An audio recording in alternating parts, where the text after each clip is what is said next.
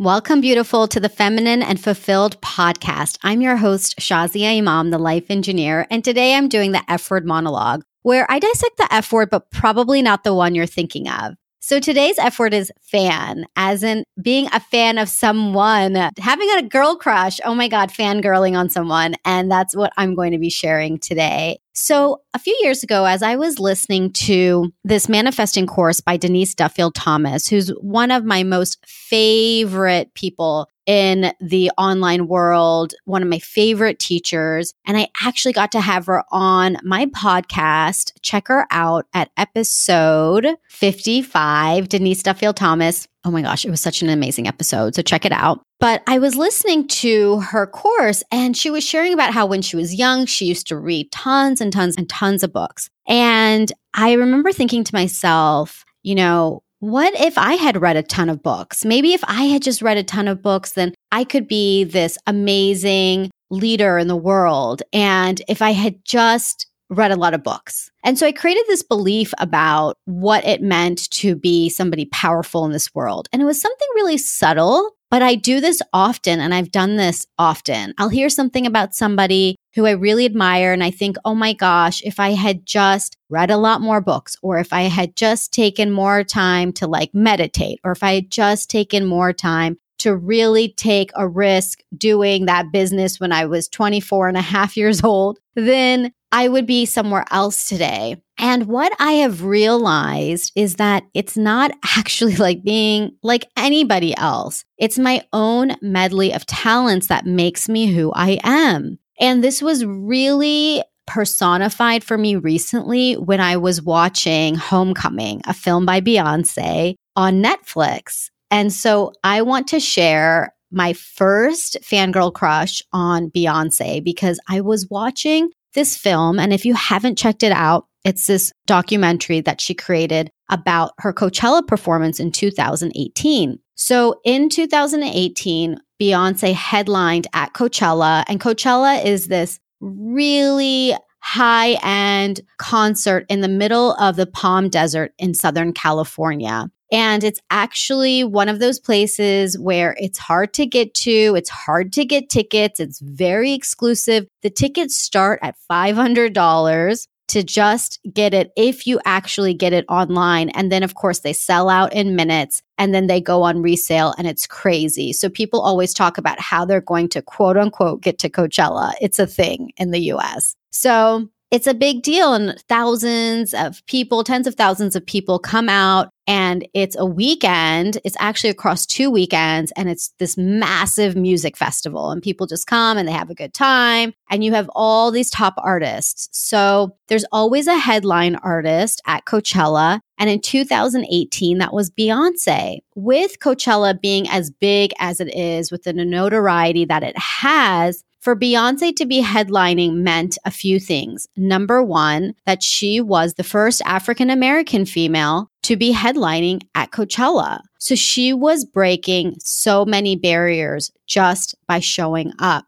The second thing is she took this as an opportunity to really highlight her culture. And so the documentary basically goes through what it took behind the scenes, what her vision was, what she wanted to create. And she called it Homecoming in honor of the historically Black colleges and universities, also known as HBCUs, that are all throughout the United States. And what they do is every year for homecoming, it's apparently, I didn't even know this until I watched the documentary. It's like the biggest deal of the year. And so you have all of these sororities and fraternities, this historically black fraternities and sororities that come together and they have a great time with music and dance and stepping. I don't know if that's the correct term. I just remember that's what we called it when we were in college. And I remember experiencing it even when I was in college. It was a whole week of all of these events. And I remember it just being so fun. And I would go and I would watch these fraternities and sororities who would both have these step performances, which were amazing. I mean, the coordination, the sound, just the vibrancy of watching these performances, I would be mesmerized. And so I didn't realize that this originated at HBCUs and that there was a whole culture and a whole history to this. And so Beyonce really wanted to highlight that because she was able to headline at Coachella and really grab everybody's attention. So she went in, she started prepping for Coachella, I believe four to six months in advance. And this is her journey. She had just had her twins. She shares vulnerably about all of the weight that she had gained. She had gained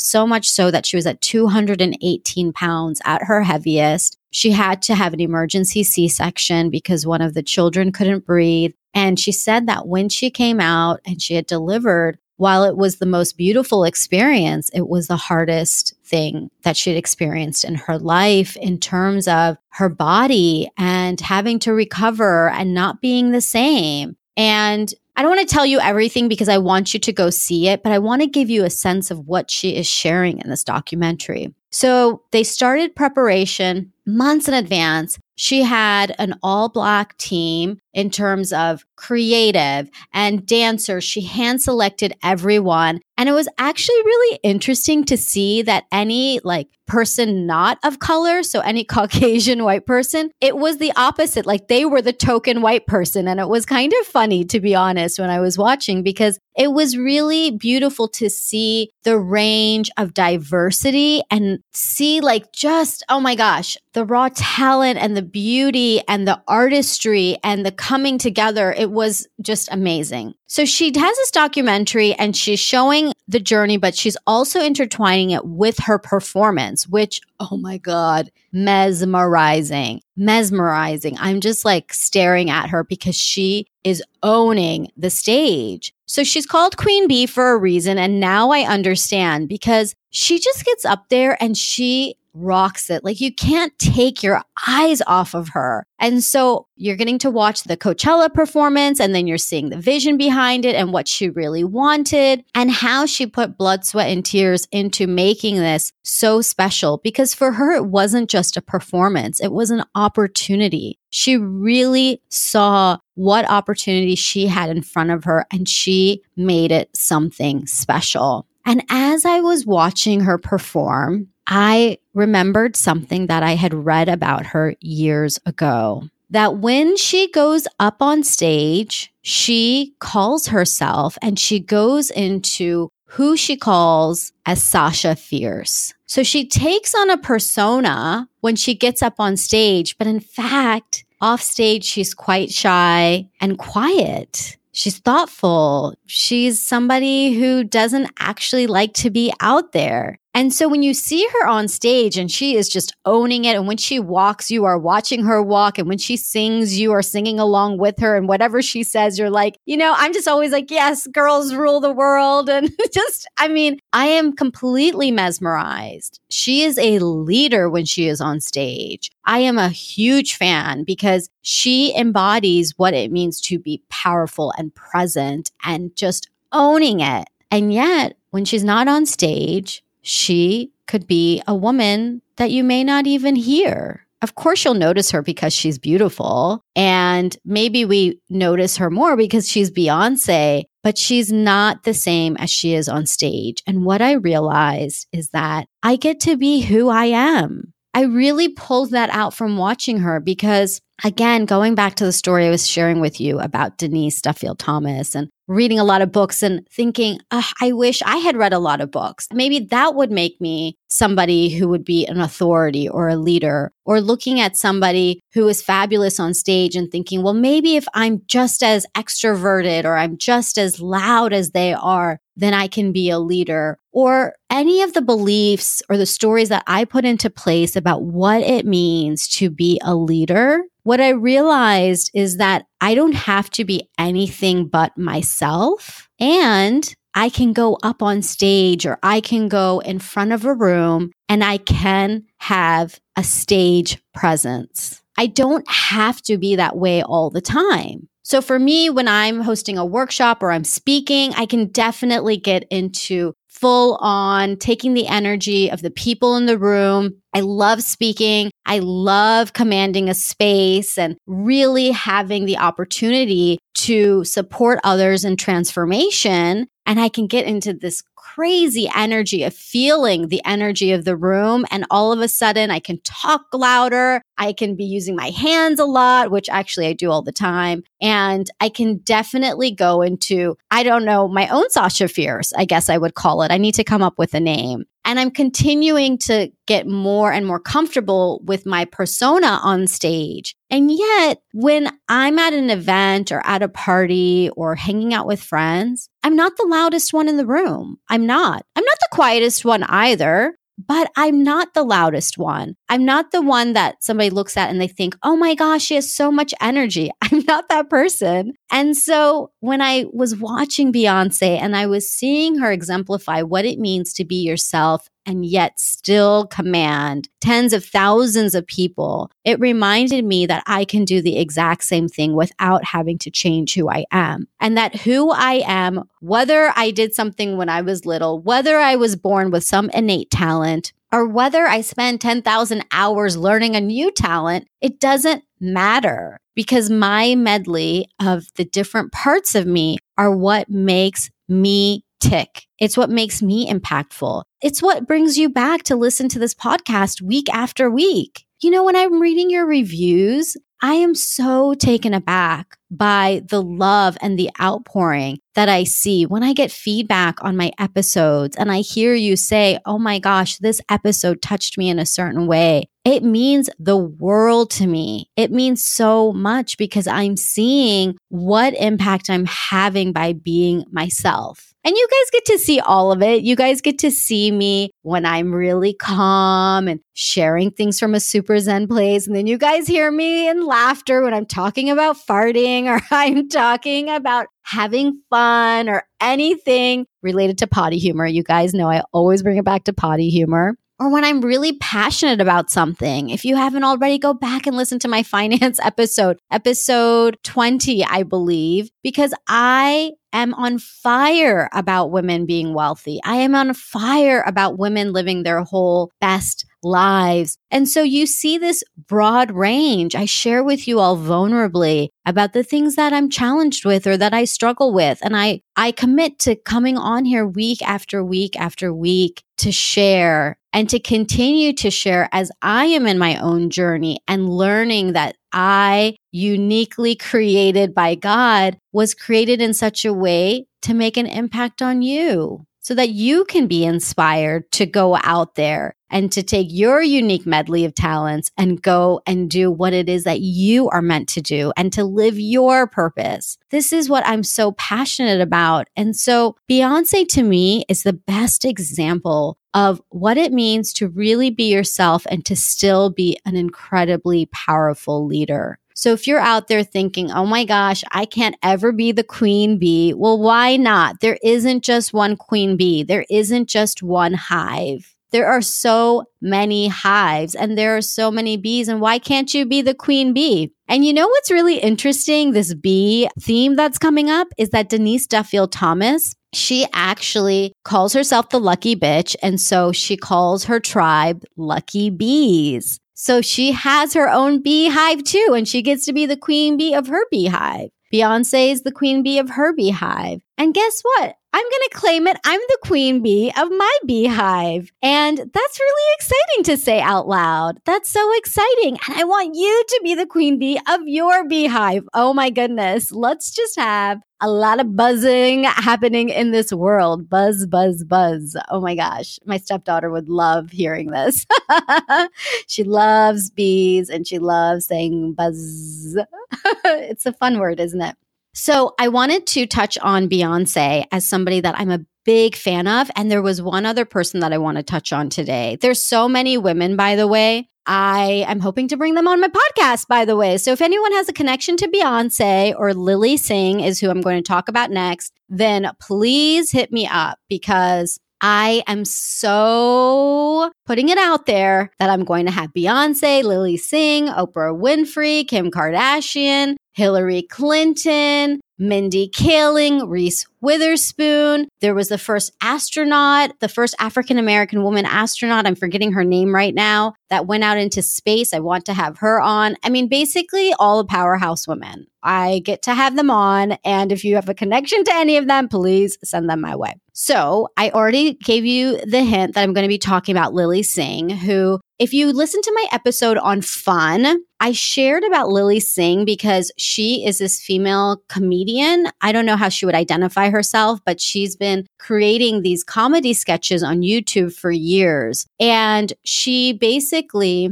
started these videos because she struggled with depression. She actually went through a really dark period in her life. And she talks all about her journey in her book, How to Be a Bawse and she spells boss B A W S E, like boss, boss.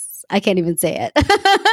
but in her book, she shares how she really struggled with depression and really feeling like, what am I meant to do with my life? And feeling like she had no purpose. And so she decided and she committed to creating videos every single week on YouTube and actually twice a week. So every Monday and Thursday, she created a full length video sketch of what she calls herself Superwoman. And so the sketches would be about life in an Indian family. And they're hilarious because it would have the character of the mom, the dad, and the kids, and then all the different things that happen. And she would do the accents of everyone. And she played every single part. So it was this one man comedy sketch routine. And she created these videos week after week after week. And she did this for years. And they are hilarious. I mean, every time I watch them, I laugh because I can imagine my own parents saying the same things. And she just does a great job in playing all of the roles. And so she would write, produce, and direct these videos and edit every single week. And what happened is, is that after a number of years, she got bigger and bigger and bigger. And one year she got selected by MTV as YouTuber of the year. And all of a sudden she blew up. And I believe this was back in 2017. It wasn't that long ago. And then she got really big. And then she started doing her comedy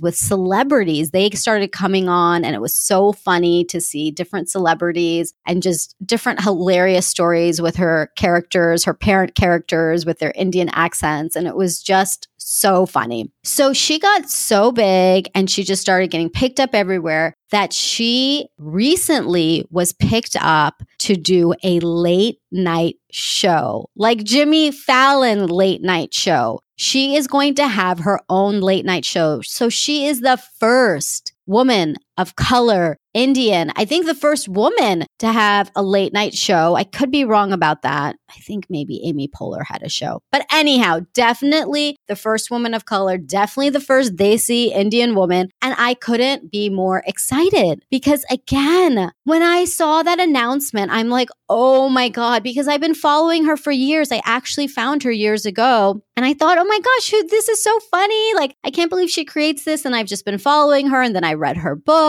and then, you know, follow her Instagram. And she's just something else. And she's always open. She's also very vulnerable in sharing who she really is. So in her comedy routines, she is so hilarious. I mean, her most recent one that I remember is she did a rap, how to create a rap like Migos, where she took three random words and then she created this whole rap out of it. And I think the words were something like drop, spit, swish or something. And she created this funny rap, like with the whole video with the Lamborghini and all of that. And it's hilarious. So, anyways, I could go on and on about Lilly Singh forever. But the point that I want to make is that she is still open about sharing the struggles that she goes through. So while she's really funny on one side, on the other side, she does struggle with still feeling like, is what I'm doing right? Is this really my full potential? Am I following my purpose? Am I doing right by what I'm meant to do? And she still struggles at time with depression. And she's open about that. She had to actually take a break for a while from her social media and from all the work she was doing because it had just gotten to be too, too much. So it's really interesting that, you know, we see people's persona and we think that that's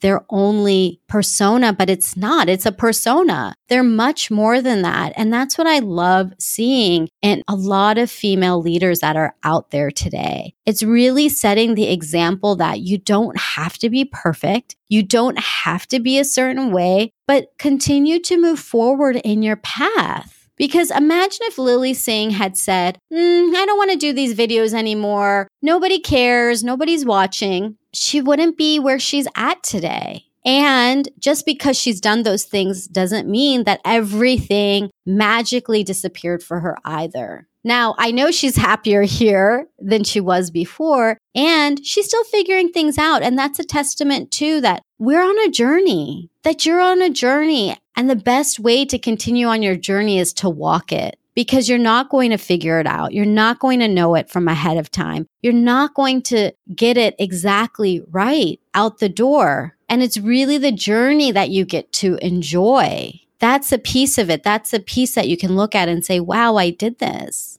You know, Denise, Beyonce, and Lilly, they can all look at what they've created now and they can be really proud of what they have. And they have a lot of fans. I'm a huge fan of all three, a huge fan. And they're still continuing to grow. And part of their growth is about being honest about who they are. Part of their growth is also going out there and taking the reins and saying, I am going to show up as a leader, as an authority, as an influencer. I am going to break the barriers on what people are used to and do something out of the box. That's epic. To me, that's inspirational. I'm a fan because I am inspired. I am inspired to be a leader in my own right. And that's why these women and so many more women completely inspire me and they keep me going because it's not always easy to keep going. You're not always getting validation. I'll be honest. I mean, there are times where I'm like, is anybody listening?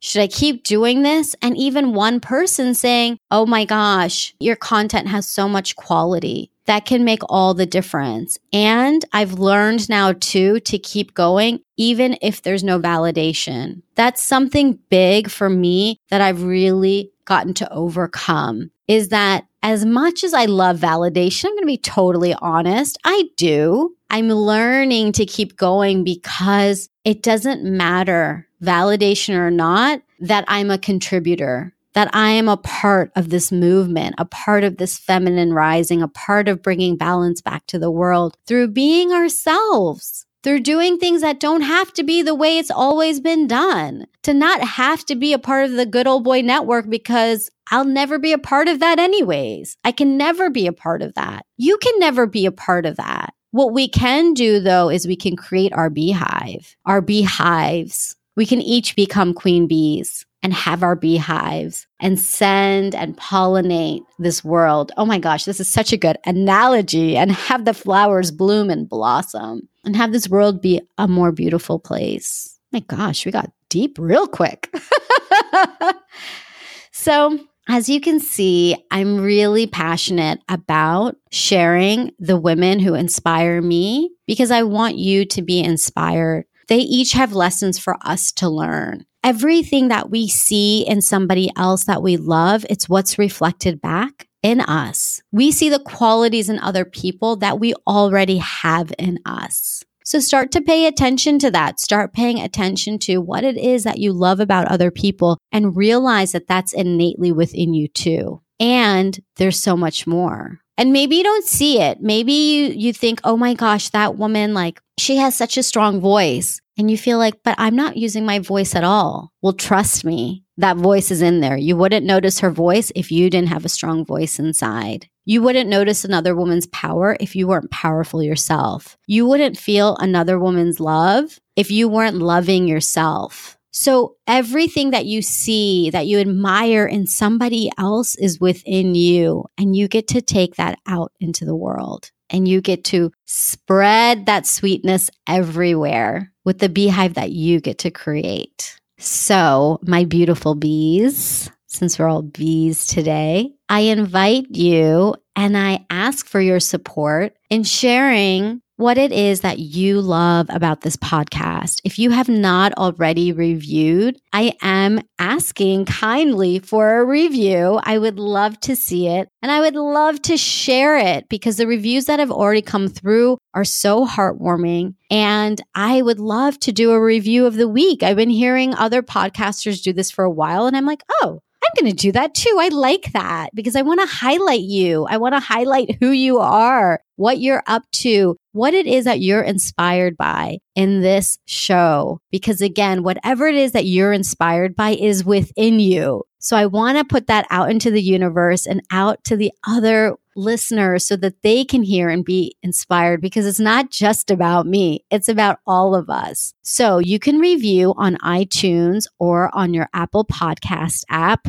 And while you're at it, if you can just click the subscribe button, I've also learned that Apple rates podcasts based on subscribers. So I'm not here to like try to beat some algorithm. And I would love for us to be more seen. Of course, of course, because this is such a powerful podcast. So if you could click subscribe and write a review, I would be so grateful. And of course, I'm going to start doing those reviews of the week. How fun! Oh my gosh, I'm so excited. So until next time, bees, lie last, love you like a sister.